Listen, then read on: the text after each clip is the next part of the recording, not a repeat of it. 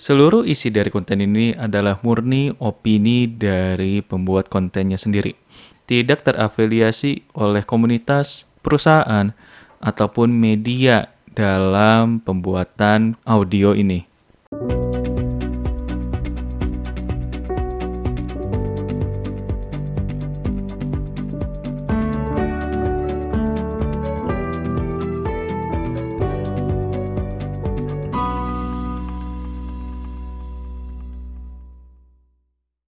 Halo semuanya, balik lagi di monolog penikmat layar kaca dan tadi gue membuat pembuka yang cukup berbeda ya dari sebelumnya di mana gue biasanya membuat monolog atau mungkin membuat kayak narasi dulu sebelumnya. Karena hal-hal yang menurut gue lo tau kan sekarang udah masa-masanya orang mudah tersinggung dan ya banyak aja gitu yang mau kayak eh ini harusnya kayak gini harusnya kayak gitu. Gue membuat pernyataan seperti itu dan semoga kalian bisa menerima Anyway, di sini gue nggak mau berbicara banyak banget uh, soal masalah penayangan yang ada di Indonesia, baik itu dari media TV atau dari streaming atau bahkan yang media hybrid ya.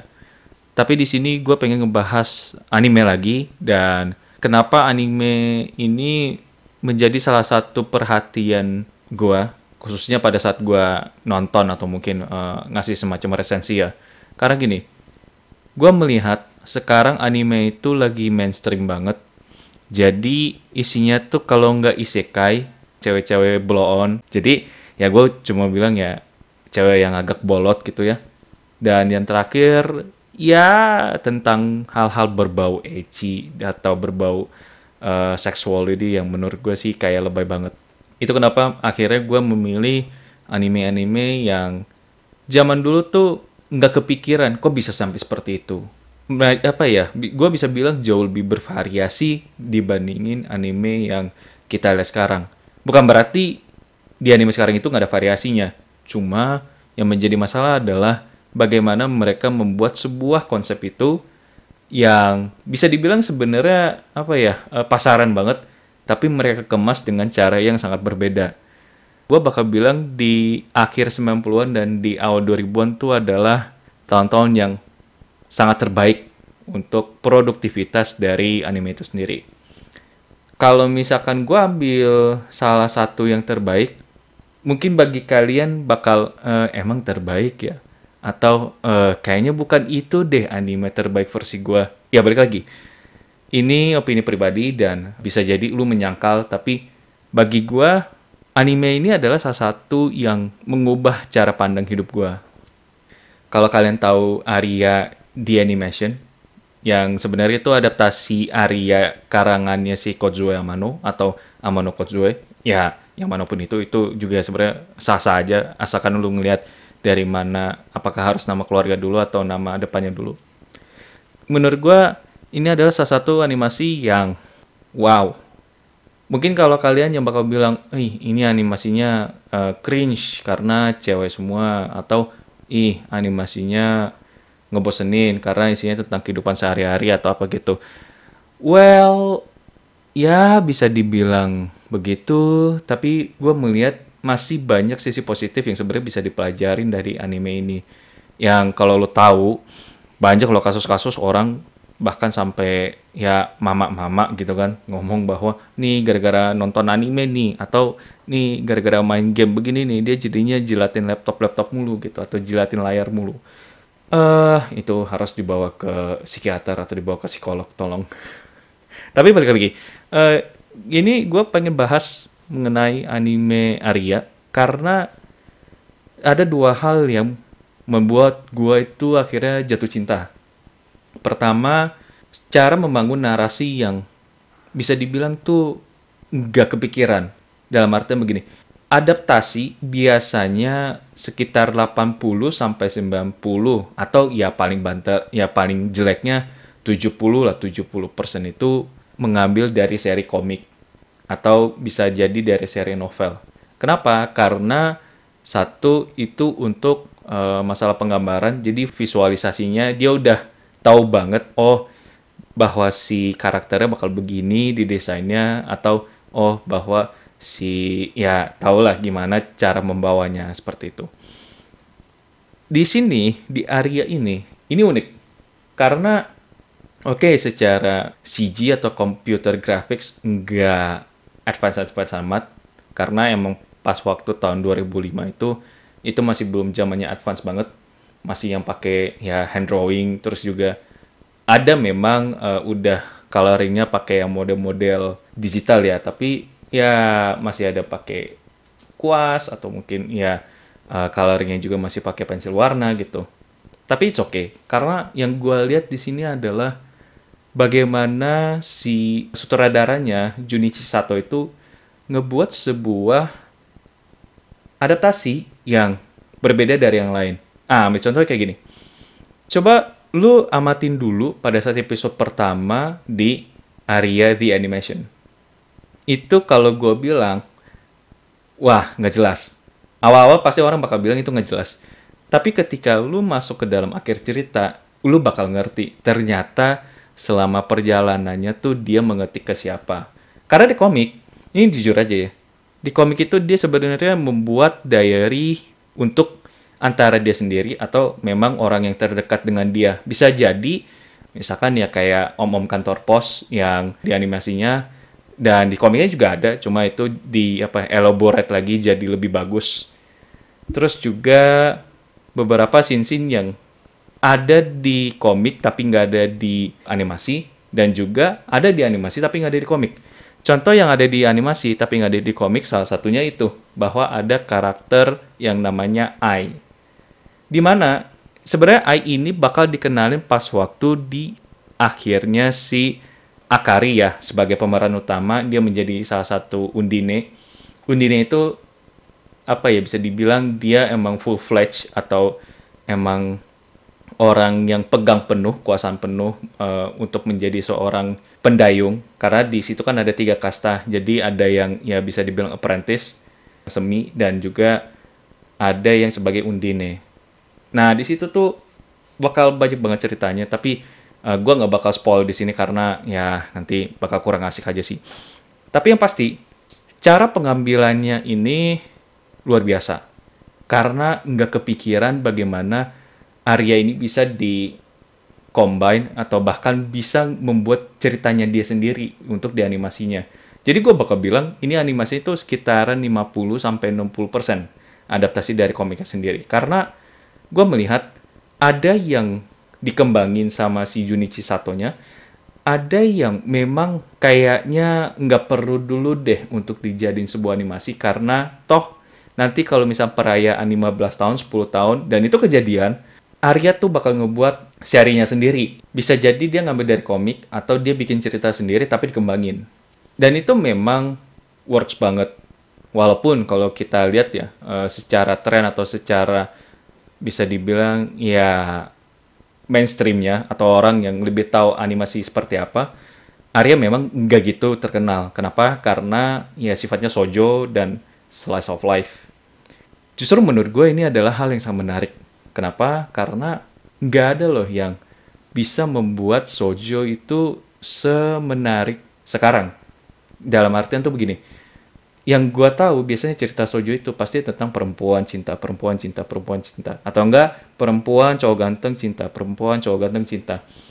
Di sini, dia sojo, tapi dia ngebuat uh, semacam cerita yang berbeda dalam artian gimana sih caranya kita mendapatkan sebuah kemewahan di dalam sebuah kesederhanaan. Nah itu yang nggak ada semua animasi bisa membuat hal-hal seperti itu kecuali yang ada di Ghibli atau mungkin ya animasi-animasi tentang kekeluargaan. Tapi yang namanya tentang hidup sendiri, terus juga mengejar sebuah impian, meskipun sebenarnya untuk mendapatkan impian itu tuh nggak segampang pas kita gembayangin. Tapi ada ada langkah di mana bagaimana membuat Nah, ini nih sebenarnya dari media itu luput untuk pembuatannya. Yakni bagaimana membuat story yang bisa uh, membangun sesuai dengan kehidupan sehari-hari kita sendiri. Yang kita tuh sebenarnya nggak nggak bakal kebagian gitu, tapi oh ternyata ada ya. Dan jujur, kayak misalkan nih, ada di, uh, eh, gue lupa episode keberapa, Akari ini dia mencoba bagaimana mendekatkan diri dengan warga tanpa dia harus mengenalkan diri dulu. Ini yang unik. Karena jarang banget ada animasi yang perkenalin, saya ini, ini, ini, ini. Ini nggak ada. Ya memang kalau misalnya untuk perkenalan, pasti ada. Uh, kayak misalkan tokoh-tokoh penting ya. Uh, Akira, terus juga Alicia yang, ya kalau misalnya kalian dengar suaranya, siapa ya kalau di karakter Genshin? Oh, si Ningguang, terus juga Elsa. Nah, itu tuh kalian bakal familiar banget dengan suara-suara seperti itu. Tapi bagaimana dia bercengkrama dengan warga sekitar, itu yang masih menjadi misteri. Kenapa? Karena teman-temannya aja yang masih bingung, kok dia bisa deket sama orang-orang tanpa harus ngendalin diri.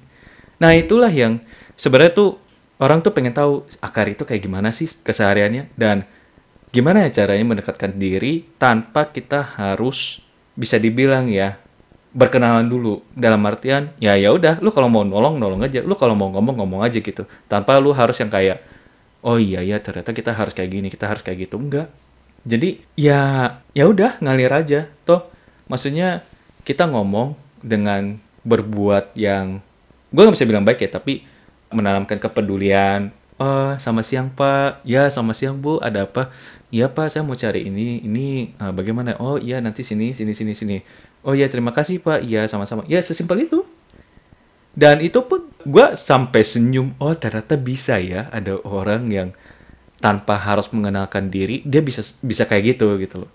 Di mana kita tuh kadang-kadang harus kenalin diri dulu terus habis itu ya dia bakal deket sama kita. Kalau ini enggak tanpa dia harus mengenalkan diri dia itu ya dia udah langsung akrab sama orang-orang. Itu yang narasinya menurut gue tuh luar biasa di dalam area ini baik dari seri kominya maupun seri animasinya. Tapi kita bakal bicara animasi lagi. Selain dari bagaimana si Arya ini mengembangkan ceritanya ini kuncinya terletak dari pengisi suaranya. Yang tadi gue bilang ya, gue nggak usah sebutin kayak si Alicia, yang di mana kalau kalian dengar suara dari Ningguang di Genshin Impact atau suara Elsa dari Fairy Tail, kalian pasti bakal tahu, oh, gue tahu nih pengisi suara siapa. Tapi yang menjadi primadona sebenarnya menurut gue adalah pengisi suara dari Akari. Di mana ini nih nggak ada banget, beda banget, dan bahkan menurut gue ya ini unik. Kenapa? Karena memang kalau dari sisi pengisi suara di antara uh, kalau nggak salah ada satu lagi sempat dicoba sebagai Akari tapi itu di dalam uh, eh, CD ya bukan di dalam TV series atau uh, di dalam OVA-nya ini emang dia cocok banget. Karena pembawanya yang calm terus ya emang agak ceroboh betul. Cuma pembawanya yang uh, gue nggak bisa bilang calm sih tapi lebih ke kayak cheerful. Bagaimana dia bercengkerama dengan orang-orang ya enak aja ngelihatnya dan kita pun juga ke bawah bahwa oh ternyata si Akari itu kayak gini. Si Akari itu emang benar-benar pas gitu loh pas waktu kita uh, istilahnya berkenalan terus juga oh ternyata cara dia apa ya kikuknya itu begini juga gitu. Ternyata sama juga dengan gua. Ya gua aja yang ada di dunia nyata tuh harusnya tuh bisa lebih lebih apa ya lebih bersyukur gitu dibandingin dia yang harus sampai berjuta-juta kilometer ya untuk masuk ke dunia. Uh, dibilang itu planetnya adalah Aqua. Sebenarnya itu adalah Mars tapi itu diibaratkan sebagai planet Aqua karena sebelumnya ya ada semacam apa ya uh, transformasi untuk mengubah daratan itu menjadi uh, adanya lautan seperti di bumi karena kan tahu sendiri kan Mars kan tandus banget tuh tapi akhirnya ya overflow dan yang terlihat adalah sebuah daratan mirip Venesia. Nah ini yang uh, menurut gue nih, wah unik sih, di mana pembangunan karakter Akari ini bahkan sampai si pengisi suaranya itu unik dan nggak ada yang bisa nandingin karya dari si Kozuo Yamano ini. Bahkan gue bisa berani bilang ini adalah puncak dari masterpiece-nya si Kozuo Yamano.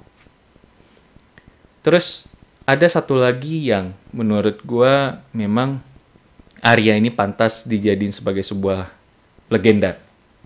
Dalam artian ya ini adalah karya yang legenda gitu loh, bukan uh, masalah dari Coach Uemano atau segala macam. Ya itu memang Coach Uemano sebagai salah satu legenda komikus di Jepang. Tapi gue melihat ini adalah salah satu karya yang melegenda. Kenapa? Karena gue masih belum melihat ada karya yang bisa seanteng, seenak, dan se-cheerful dalam satu perasaan yang sama pada saat gue menonton Arya. Ya memang ada, gue bisa bilang kayak slice of life yang mungkin lu bakal termehek-mehek nangis apa segala macam, tapi gue nggak butuh itu.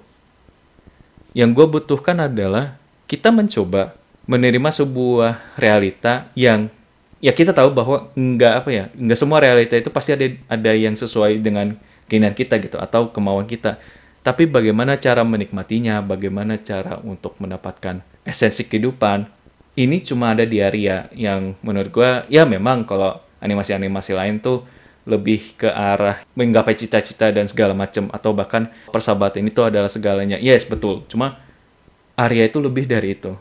Arya itu lebih dari masalah persahabatan, lebih dari masalah bercengkerama dengan masyarakat lainnya, dan bahkan lebih dari mengejar cita-cita. Terima kasih untuk mendengarkan podcast penikmat layar kaca ini. Jangan lupa untuk nongkrongin terus setiap minggunya dan sampai jumpa di lain kesempatan.